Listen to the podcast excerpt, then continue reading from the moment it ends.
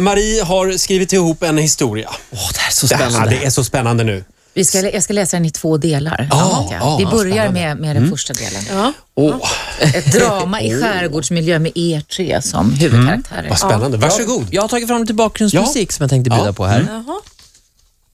Se. Kommer den eller? Kommer den här så. Det är tidig morgon ute på Rogers landställe på Ingarö. Roger vaknar av att fönsterrutorna i den enkla stugan skallrar i vinden. Oroligt ser han hur de blygrå vågorna piskar upp mot klipporna. Det blåser nästan storm. Vem vill ge sig ut i det här vädret? Inte ens katterna. När han öppnar dörren för sina älsklingar Coco och Chanel fnyser de bara och återvänder in i stugvärmen. Hoppas bara att båten inte kantrar, tänker han. Kollegorna Ola och Titti är ute på en seglats i skärgården för att komma varandra närmare och hitta sätt att dra fördel av sina olika personligheter. Egensinniga vildhjärnan Ola kontra pryda, präktiga Titti. Inte det lättaste, det måste erkännas. Men vad kan inte vara bättre än att befinna sig på en båt utan möjlighet att dra sig undan konflikterna? Själv kan han inte tänka sig något värre. Roger drar på sig gummistövlarna och en gammal kappa och beger sig ut på klipporna med kikaren i hand. De borde vara här nu. Han kliver ut på en hög avsats, lyfter kikaren, tittar åt alla håll medan han vänder kappan efter vinden. Nej, ingen båt i sikte. Så plötsligt hör han hur dörren till stugan slår igen bakom honom. Är det blåsten?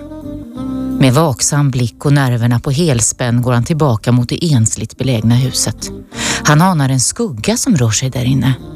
Försiktigt trycker han ner handtaget, dörren gnisslar när den går upp. Till hans förvåning slinker katterna genast ut. Som om de flyr ifrån något okänt. Något skrämmande.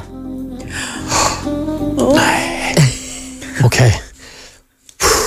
Kan vi få någonting annat Ja, istället, jag Ola? har bytt musik här. Känner du dig redo Marie? Jag är helt redo. Absolut. Ja, nu kommer fortsättningen. Så står Roger där inne. Tystnaden i stugan är kompakt. Inte ett ljud, inte en rörelse. Bara den evinnerliga blåsten utanför som nu verkar ha tilltagit i styrka. Vinden tjuter runt knuten. Med ens tycks den tickande golvklockan oroväckande. Tick-tack, tick-tack. Så en rörelse alldeles bakom. Någon som andas, helt nära. Han kan till och med känna den varma andedräkten i nacken. Tvärt vänder han sig om. Där står Ola. Först lättnad. Men Ola, är du här? Var är Titti? Kollegan svarar inte. Hans blick är tom. Han håller fram händerna. De är besudlade av blod.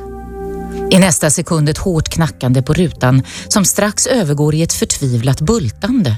Titti, blek i ansiktet, uppspärrade ögon, ansiktet förvridet av fasa. Så försvinner hon ur sikte. Roger hör sig själv flämta till.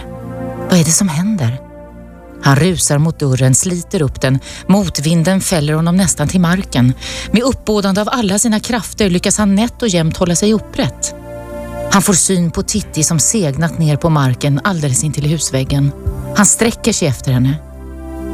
Men Roger hinner inte längre. Ett svepande ljud. Bara det.